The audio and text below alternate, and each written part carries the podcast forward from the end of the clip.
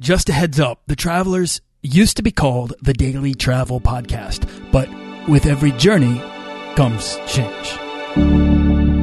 This podcast is produced by Holocene, a community of creative travelers. If you want to get serious about planning that next trip, writing that book, starting that creative project, or launching that business, we're breaking down the barriers between where you are where you want to be together at joinholocene.com. That's join, H O L O C E N E.com.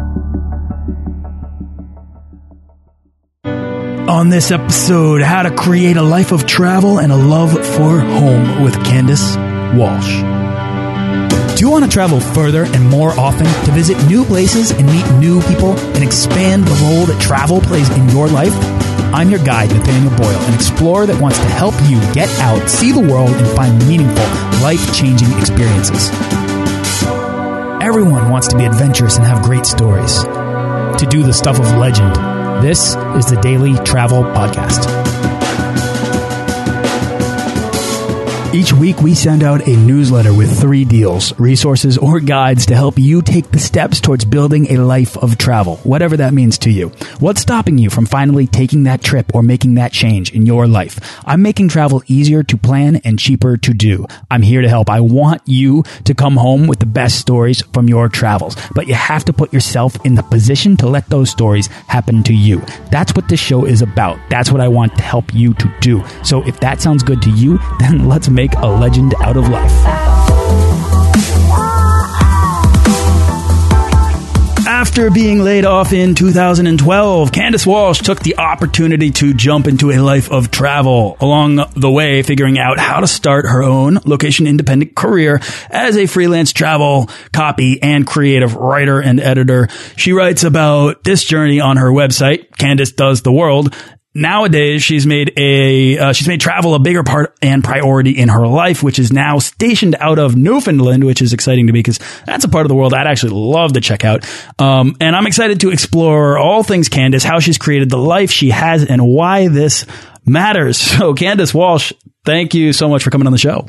Thank you for having me. I'm all excited, as you can tell. We, we, were saying before, Candace has had a beer, so she's very mellow, and I'm amped up totally. on like a giant cup of coffee. So it's a good mix of. Yes, this is a common dynamic, though. I'm very high energy. My guests are like, "What's happening?" So. Candace, I've shared a little bit about you, but I want you to introduce yourself. Um, take us back to where you're from and how you got started traveling. So I grew up in rural Newfoundland, like extreme rural Newfoundland in the middle of nowhere. Um, and I never really had the opportunity to travel, but my. Is there, my, I'm sorry, is there non-rural Newfoundland? No, not really. Okay. I mean, the city, the capital city like 150,000 people. In my town had like 2,000. So it's extreme rural of rural Newfoundland, I guess. Um, but I grew up like loving literature and books and was always kind of fascinated by the outside world, I guess. And, um, but it wasn't until I got to university and started studying English and literature that I, uh, you know, tried to make travel a priority. So I studied for um, a semester in England. And that really opened my eyes to how you know, easy it was to travel, I guess, or how I could actually still do it even living here in the middle of nowhere. um, and then I started writing as a tech writer when I graduated university. Um, and it was great for a while. I mean, I was really happy to have, uh, you know, the opportunity to use my skills in the, in my career, but I was miserable. I mean, it was unforgiving work. but um, by the time I got laid off, I was like, okay, that's good. Like I, I was so happy about it. And I just started, um, freelance writing as a Newfoundland travel writer and copywriting. And so here I am, I, a couple years later, just being entirely location independent and being entirely self-employed. How long has that gap been since uh, you left your job and started freelancing to today? Um. Okay. What year was that? 2010, I guess. So about four or five years. Okay. Well. All right. Yeah. So, uh, you said you mentioned like you really liked books, and and that that was one of your portals into the wider world. I'm wondering, was there a book in particular, or maybe a character that grabbed you? No. I. You know, it's funny. I. I mean, I write almost exclusively travel these days, but I read only fiction. so I don't. I don't know why that is. I when I think back to what really made me want to travel, I used to be in Girl Guides and I used to always want to go to these international camps abroad, like to Switzerland and stuff. So I'd always see these photos, but I mean, it was too expensive. I could never afford it. But that's what made me want to start traveling. And then I just, I don't know. I mean, books have always been the background of my, or the, a priority in my life, but mm-hmm. I don't know if that really influenced me to travel. I think there's there's a similarity between uh, reading, obviously, stories, whether that's nonfiction stories about the world or actually fiction. I find can be um, a, a, greater portal into somebody's line of thought, so that you can really begin to understand the perspective of somebody else. Yeah, um, that's the whole function of fiction, right? Like it's it almost works better uh, in that way. I actually wrote about that recently about how um, you know re reading not uh, reading fiction actually is sometimes a better introduction to a place because you remove all the prejudice you might have as a traveler to that destination. Oh, I love that because you're seeing it through the eyes of the author or the character. Totally, yeah. Love that. All right. So um, then you said you were a technical writer when you were working. Mm -hmm. All right, so that sounds that sounds dull. What? Sorry, what was that? Uh, what did that involve? Okay, so the the job title actually was um, well, I was a tech writer, but I was working for a, um, a deep sea technology company and they specialized in autonomous underwater vehicles. So basically underwater robots, which sounds cool, but Does the, the riding around it wasn't so fun. okay. all yeah. right, And then, so, and I'm guessing that there was just a degree of, of, of boredom and there's not much to do and you're living in a small town. Yeah. And it was, I mean, I couldn't be creative doing that at all. And um, I mean, I'm still really grateful for, for, to the company for hiring me straight straight out of university with an English degree. But um, you know, I just I thought that was what I wanted in life, and it wasn't. But I was also too.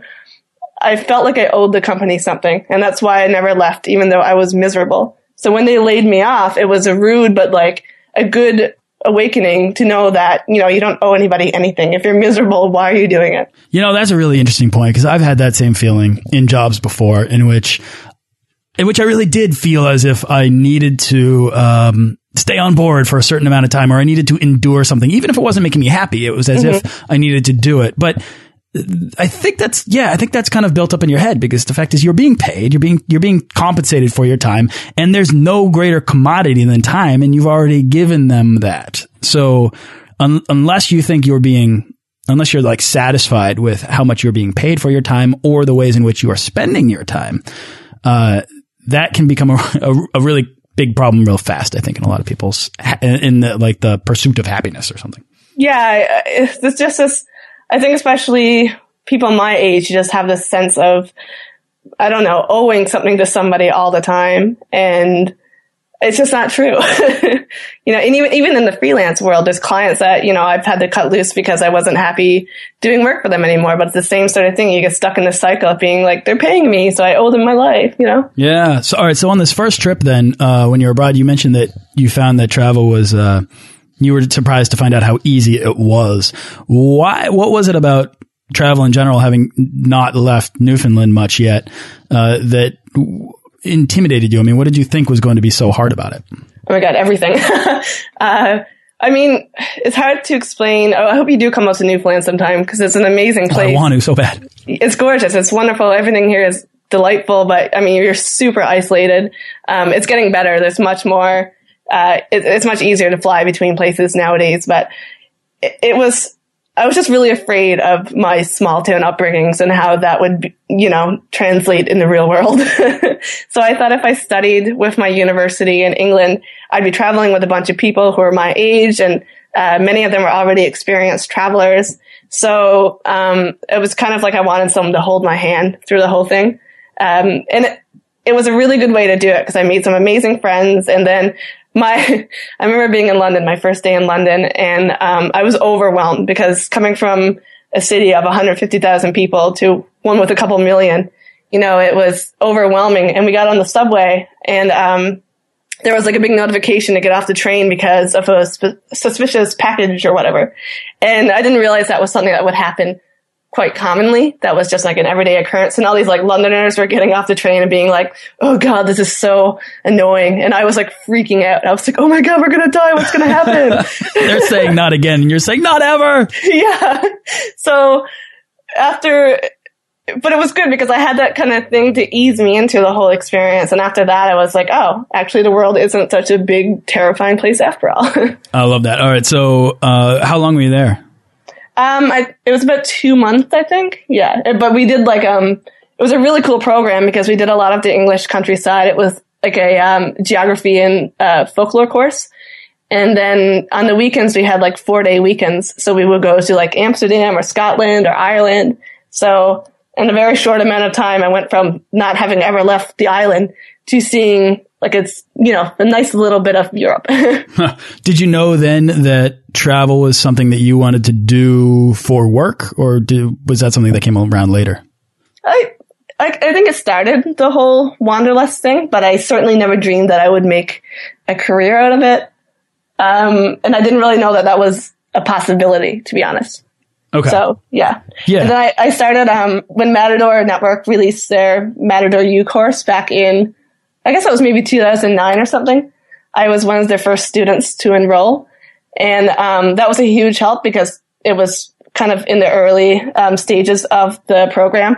So I had a lot of attention from really experienced writers who were just amazing. And um, I, I kind of got my foot in the door that way. And then once I started writing about Newfoundland, um, I found that a lot of people were looking for Newfoundland content but not many people were writing about it. So that's also how I managed to kind of break into the whole turning it into my career kind of thing. yeah. So you found like an uncovered destination in a way and shined a little bit of a light on it. That's cool. That's, I mean, that's a really great opportunity.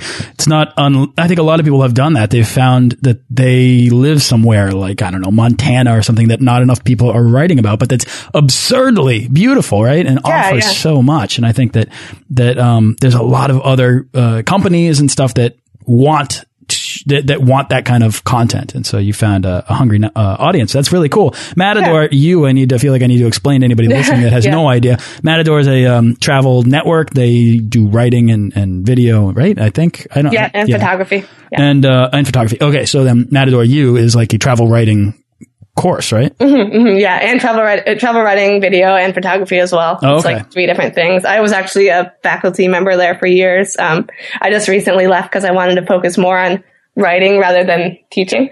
yeah. Okay. Did you were you teaching uh, writing?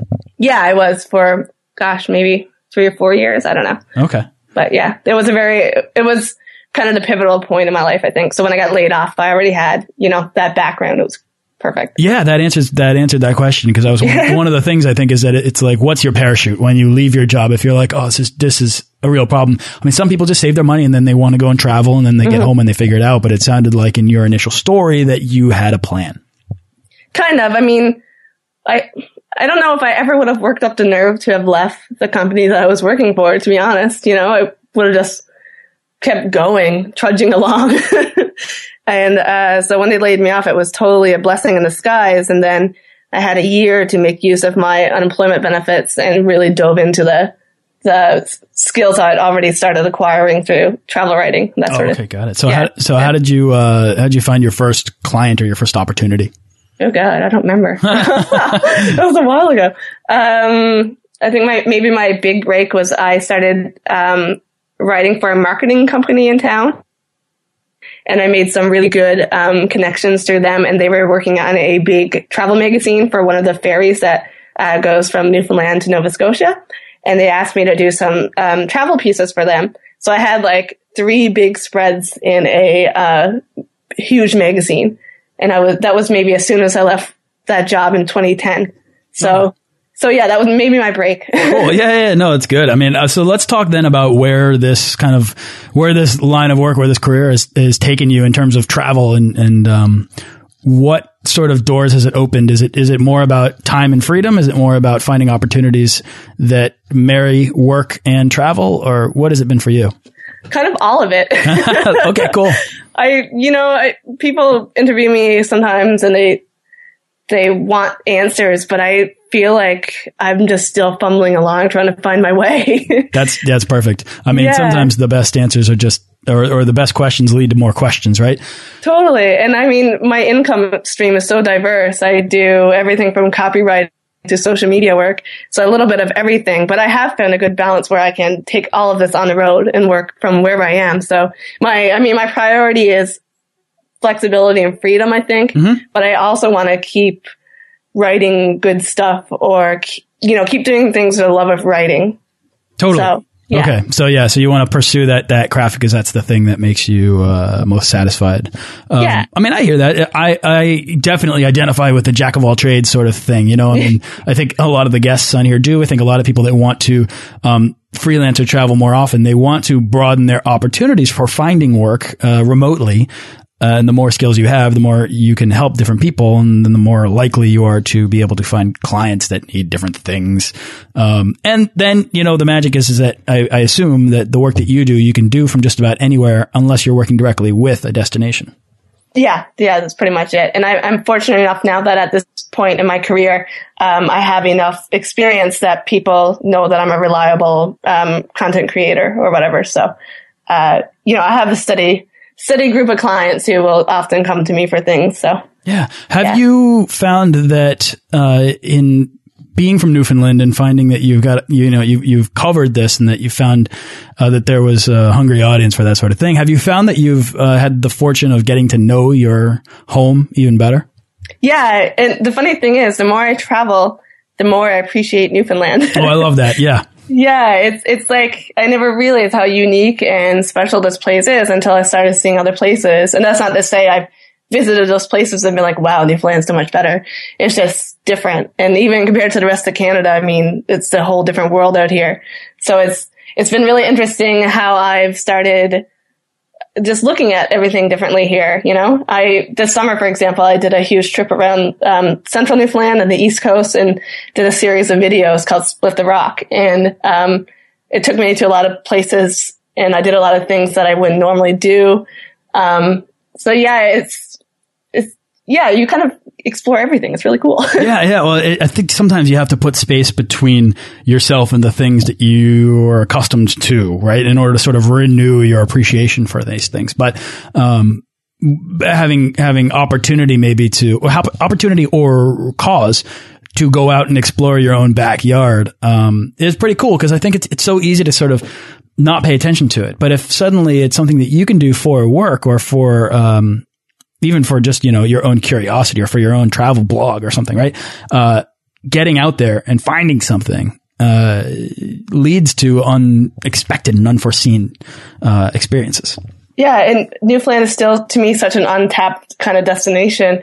I mean, there's a lot of people who come through St. John's and it's a wonderful city, but once you get out into the rural places and the small towns and the coastal areas, there's just, I mean, if, whether you're a foodie or an adventurer or whatever, you're going to have a really great time here. I love that. So if I were to go, let's say, I'm going to pick your brain because I really do want to check out Newfoundland and I don't know a whole lot about it. Um, I know geographically where it is, and that is almost it. So um, that's more than most people, actually. good. Yeah. Well, that's only because I live in you know the Massachusetts, so uh, close. Yeah, I could almost drive there. Um, so if uh, is it traversable? I mean, is it the kind of thing that you would could could road trip? Yeah, that's probably the best way to do it actually, because our um, there's one thing we're lacking. It's definitely transit across the island. trains are trains are not particularly great. Yeah, I mean, it, and it's quite a big gap in between places. For example, um, to get from here to Gros Morne National Park, which is like one of my favorite places in the world, it's like a eight hour drive. oh wow! Okay. Yeah, yeah. So it's a big island. yeah, definitely, definitely. I mean, and is where would you recommend, you know, like uh, being like the the first place that people, if if they're like Newfoundland, what is this place? This is, sounds like totally totally strange. Maybe I want to check it out.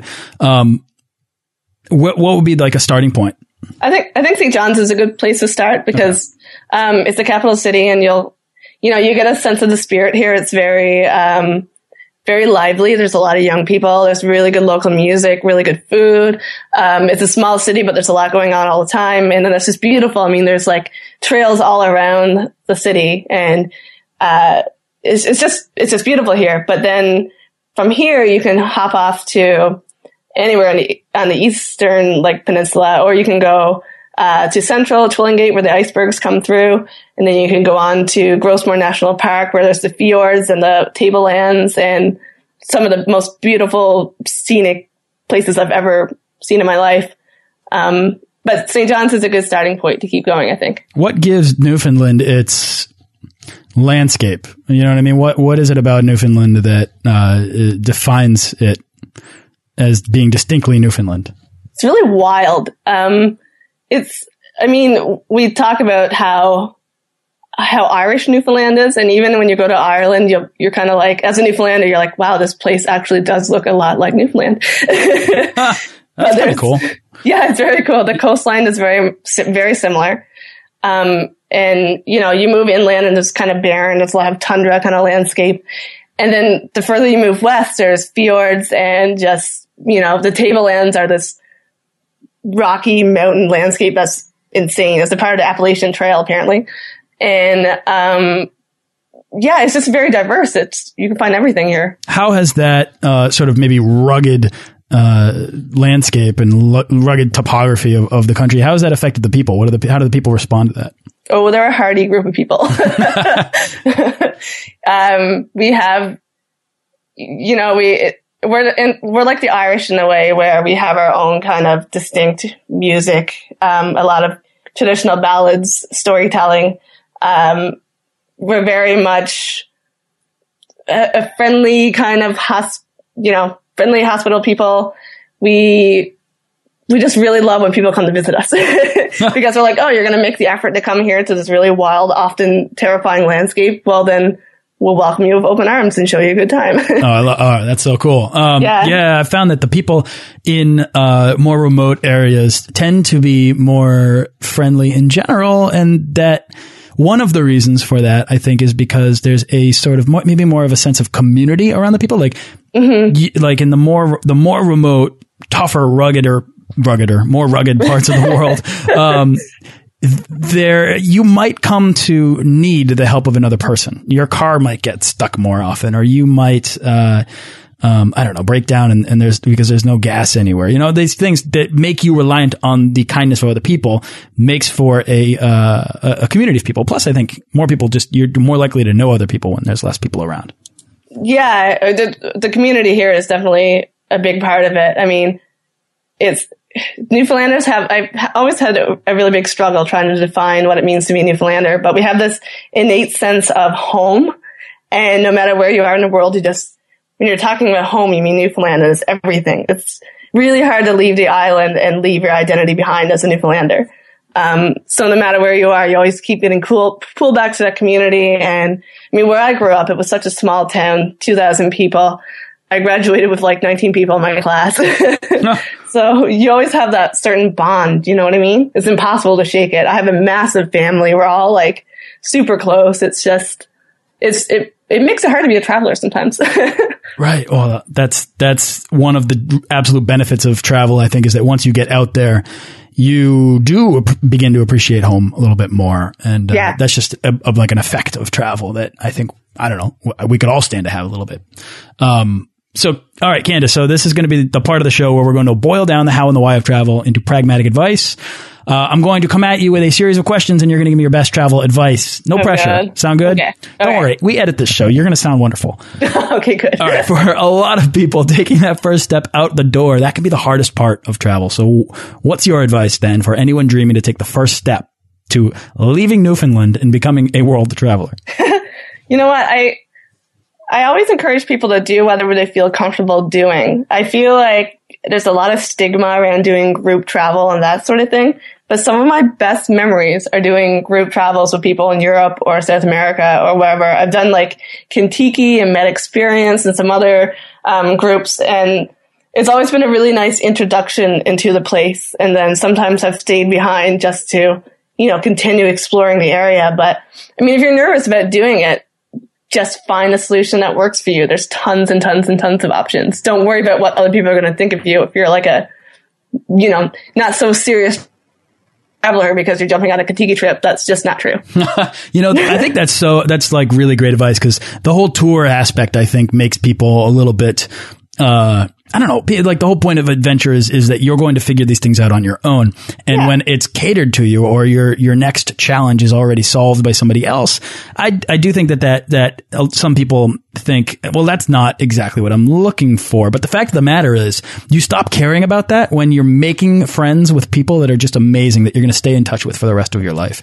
And to me, that's equally life changing. Yeah, I mean, the people that I travel with, I, am in contact with them daily. Some of them, it's just, it's, I, I mean, if maybe you'll do a trip like that and discover that's not for you, that's fine. And cause I mean, if you, if you're a bit of an introvert and you're not so much, if you really value personal space, it's probably not for you. Yeah, that's, that's solid. Um, Yeah. So, Candace, then the biggest hurdle for most people who do want to travel more is cost. Do you have a money saving tip or a travel hack that you use? I would think that the most valuable thing is to get rid of your credit debt because I had a crap load of it and it really, really, really held me back. Um, and you'll be amazed by how much you can save so quickly when your credit card balance is at zero. so I, I think if you're going to travel, that should be your priority first is to cut all your debt out. I mean, you probably can't do that with student loans, but at least your credit debt and then work from there. I mean, a little credit debt doesn't hurt. I came back from Europe with like $3,000 worth. So Yeah, yeah. I mean, I don't want to, I don't want to advertise credit card debt, but it's that, um, or encourage that, right? But Yeah, like, yeah. I do know, I do know some people who, uh, had, had student loan debt and that doesn't affect your credit score. In fact, if you pay it down responsibly, it helps your credit score. Um, on top of that, I know people who were in New Zealand and it was the last month of their trip and they were pretty much out of cash, but they hadn't been skydiving or they hadn't been, you know, out on the glaciers and they said, this is my, my chance. I might never come back here. And so they opened up a credit card and paid for that and then went home and then paid off the credit card. And I thought that was a pretty good move, but it's like just be really responsible with your debt because Yeah. that is uh, once you have a great credit score that that can that's the key to the kingdom I think for for in terms of free travel and opening things up. Yeah. And I, I mean, I was an idiot all through university. I just like totally racked up all my credit debt. I didn't, I had student loans on top of that, but I didn't care. I just wanted to drink and have fun. And I, I think I graduated with close to $10,000 in credit debt alone. Wow. So yeah, it was insane. Yeah, you got to chip away at that. Oh my God, yeah. But then once you pay it off, it's like, oh wow, I have four hundred dollar check coming in. I can just put it in my savings right now. So That's Yeah. great. Hey, Yeah. all that technical writing it takes care of you eventually. yeah, Uh, Candace, Candace, we talked about books at the beginning. That's uh, one of the questions. Do you have a favorite travel book or a book that inspired your travel style? And I kind of already asked that, but I'm asking it again. you know what? I don't have any one, but I do have certain authors. Um, one of my favorite that I feel that most people don't really read a lot of is uh, Will Ferguson. He's a Canadian author and he does a lot of travel writing. And he's he's a lot like Bill Bryson. He's hysterical. He's really self-deprecating and he makes some really really sharp observations about the places he visit, visits without being like judgy or preachy or whatever. Um, and I just before I went to Ireland, oh, that, sorry, just after I got back from Ireland, I read um, a book by his called Beyond Belfast, and it's about him walking the whole Ulster Way, which is like this really big trail um, trail in Northern Ireland. I think this was back in the early '90s, so it was kind of um, he touched on the troubles in Ireland quite a bit, but it was a really insightful, hilarious, fun read. And I think if everyone should read some Will Ferguson, that's the point. Love it. Will Ferguson. Yeah, nobody's mentioned him on the show, so that's perfect. no, I Um, know for some reason he's just not very popular in the U.S. I think, and he's fantastic. Awesome. Okay. Do you have a favorite internet travel tool or resource? Um, okay, well, since Newfoundland is so hard to get away from, Perfect. Yeah. Uh, keep on keep on topic. yeah, I last year when I was traveling from um, from here to Greece, I really wanted to stop over in New York for a bit, but that was just like it was almost impossible to find a route that made sense. So I used this tool called FlightFox.com. Um, and basically you get like a bunch of really talented flight hackers who will bid for your, um, your destination. And if you have like a really convoluted route, like I did, I wanted to go to New York for a week and then I wanted to go to Athens. Uh, you can tell them the route and the general dates that you want. And then they come back with the best itinerary for a certain price. And then if you want that, if, if they win, you pay them 50 bucks. So I saved like, uh, maybe four to five hundred dollars trying to find the, trying to get these flat flight hackers to find me their route. So Plus, even more valuable, all the time you save not doing all that hardcore research yourself. Yeah, and I'm not good at it, so yeah, Flightfox is a great is a great resource. I think. Oh, you've used it too, yeah. Well, I've actually never. No, that's not true. I used it. No, I've never used it. I've never used it, and uh, but people people recommend it all the time, and I've done my due diligence on researching it, and um, it's. Oh, good. I'm super impressed, and it makes so much sense to me. I thought I was like the only one who used it. I'm glad to hear that. Oh yeah, oh, oh, so totally. Um, do you uh, have a favorite piece of travel gear that you take everywhere you go? Um, hmm. You know what? I was really anti Kindle, anti ebook because you like I paper. I love the paper and I love my books. Like, Yeah. I, it doesn't make sense why I have hundreds of books in my house if I plan on leaving forever. Me too. Oh my goodness. I mean, I even have a collection of first editions, and I'm like, why do I have these? I know it doesn't make any sense, They're the dumbest thing to collect. but I just love my books so much. And I, you know, I still, even in Europe, and I had the Kindle, I kind of, you know, was really resentful of it. I'm like, ew, stupid Kindle. but, but it made so much more sense than carrying around five books. And there were times when I just wanted something good to read. And the only thing you can find at a hostel is like a crappy Harlequin. So Oh yeah. if you're like me and you really, really, really love your books, it's not the best option, but it's still better than reading crap. Absolutely. Basically. Oh, Yeah. absolutely. I mean, I was carrying around like two Lonely Planet guides, Yeah. uh, Lord of the Rings, like the, the the latest Harry Potter comes out while I'm in like China, and I picked that up, and it's in hardcover, and it's like 800 pages, and my bag's like doubles in weight because of all the books, and I'm like, why why am I doing this to myself? I know. So- I used I used to buy books from like bookstores and then ship them home to myself so I could keep them. yes, I, yeah, completely. All right, so Candice, what was your worst travel mishap? Um, okay, so I did a sailing trip uh, in Croatia with the Yacht Week, which is basically just a week long complete party. Like it's the most insane thing I've ever done in my life, and I was probably older than everyone else there by like ten years. It sounds like so much fun, though. It was so much fun. And it was funny because me and my friend, before we went, were watching all these videos that they put up. They're really, really good at marketing. And there's all these beautiful, fit, like tan people who just look stunning in like bikinis. And we're like, oh man, they're just showing the best looking people. Surely people are more average than that who are on these trips. That's a complete lie. Everyone is stunning. but we didn't care. We had such a good time. We had a blast and nothing mattered. We were on vacation. Um, but like, I was completely irresponsible the whole time I was there. And I ended up getting a bladder infection that completely derailed me. Like I was, No. Yeah, I, I don't know. I've never experienced anything like that. I was so, so, so sick. And I was in Croatia and I had to get back to, um, I was stopping over in Scotland to see my friend and then I was flying back to Canada. But by the time I got to the airport in Dubrovnik, I was like on the point of collapsing and I was late for my flight. Like I was trying to beat through this crowd of like 200 people. There was no air conditioning. I ran to the bathroom and like puked everywhere. And then I had to like get back in the lineup and I was like begging people, I'm like, please let me get in. I need to get to my flight. So they finally let me through and I got on my flight. I got to Glasgow. And um, thank God for my friend because she took complete care of me. She took me to the doctor. I got like a free checkup. I don't know how that happened. I just gave her, I just gave them her address and they let me like have a complete checkup. And I, I don't, I still don't know how I got through that because it was brutal, but, um, yeah, I, I did it. I don't, travel adrenaline is an amazing thing. right? Uh, it absolutely is. That's often why I ask these questions because they always yield really interesting stories in which you do things that you don't really, you don't know how you did it. And sometimes it's either you did something and you're like, wow, how did I do that? Or somebody like comes to your rescue. yeah, and I'm not the kind of person, I, I really, really, really wouldn't normally do that in an airport. I wouldn't be like, can I please get in front of you in line? Because I'm going to die.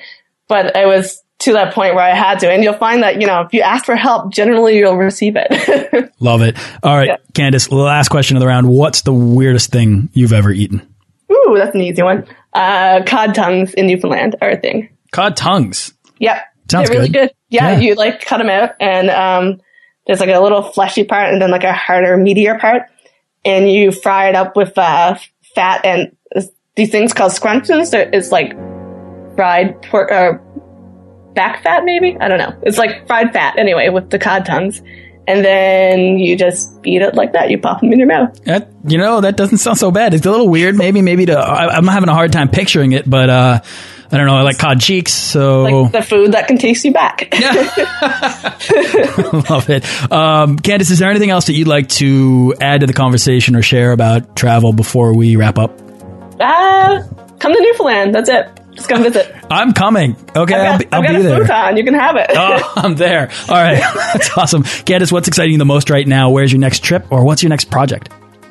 Um, I'm going. I'm planning on moving to Berlin in early 2015. So, Ooh, for how uh, long? I figure if, uh, maybe a year because I don't know how it works in the U.S., but in Canada we have uh, the youth mobility visa. So it's like I can go travel for a year if I'm under 35, and I can work there as well. Um, so I'm kind of I. You know, this it took a long time to decide this because, like I said, I love Newfoundland. Yeah, yeah. and I don't want to be away from my parents for that long because they sure as hell won't visit me. But if I'm going to do it, I might as well do it now. You know, Yeah. Fortunately, Yeah. Newfoundland's not going anywhere. exactly. Yeah. All right. Uh, where can people then go to find out more about you, learn about Newfoundland, or follow your trip to Berlin? Uh, you can follow my blog at candicedoestheworld.com or on Twitter where I am 24 7 Perfect. at, at Candice Walsh. Perfect. And that's Candice with an I, C A N D I C E. Yes. Walsh. All right. Uh, awesome. Candice, thank you so much for coming on the show. It's been really cool to get to know you and for teaching me so much about a place I know so little. Hey, thanks for having me. Thanks for listening to this episode of the Daily Travel Podcast. For show notes and links to everything in this episode and more, head on over to dailytravelpodcast.com. Join our Facebook page of explorers and subscribe to our newsletter for the best deals and resources to help make your next trip life changing.